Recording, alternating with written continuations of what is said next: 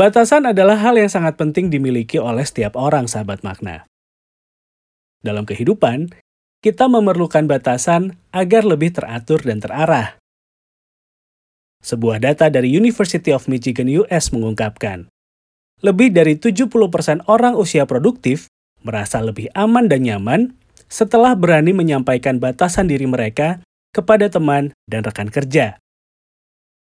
Di episode kali ini, kita akan membahas tentang self-boundaries atau batasan diri sahabat makna. Saya Fendi Rahman.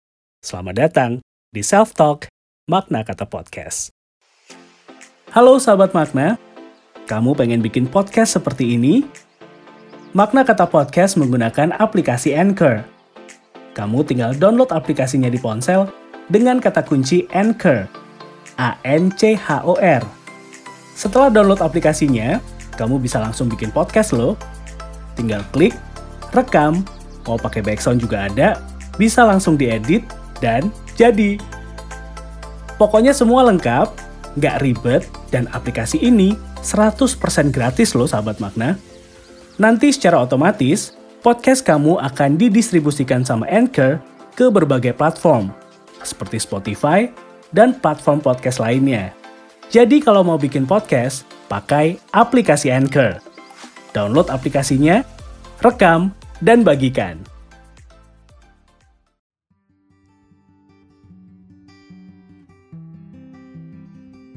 Pernahkah kamu merasa ada orang lain yang terlibat terlalu dalam di kehidupanmu, sahabat makna? Self-boundaries adalah keberanian untuk memberikan batasan antara diri kamu dan orang lain, termasuk menolak dan mengatakan suka atau tidak suka.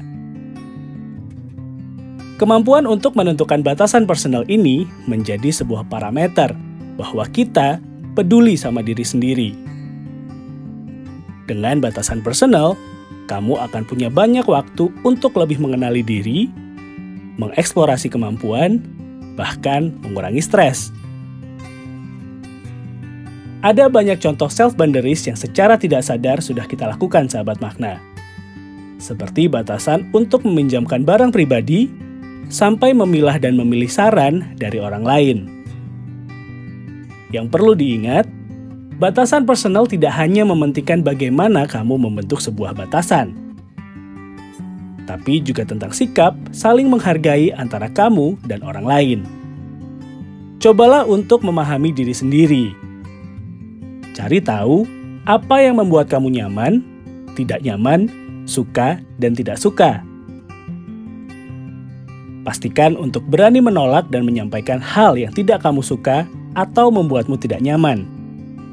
Yang menjadi sangat penting adalah lakukan self-boundary secara konsisten.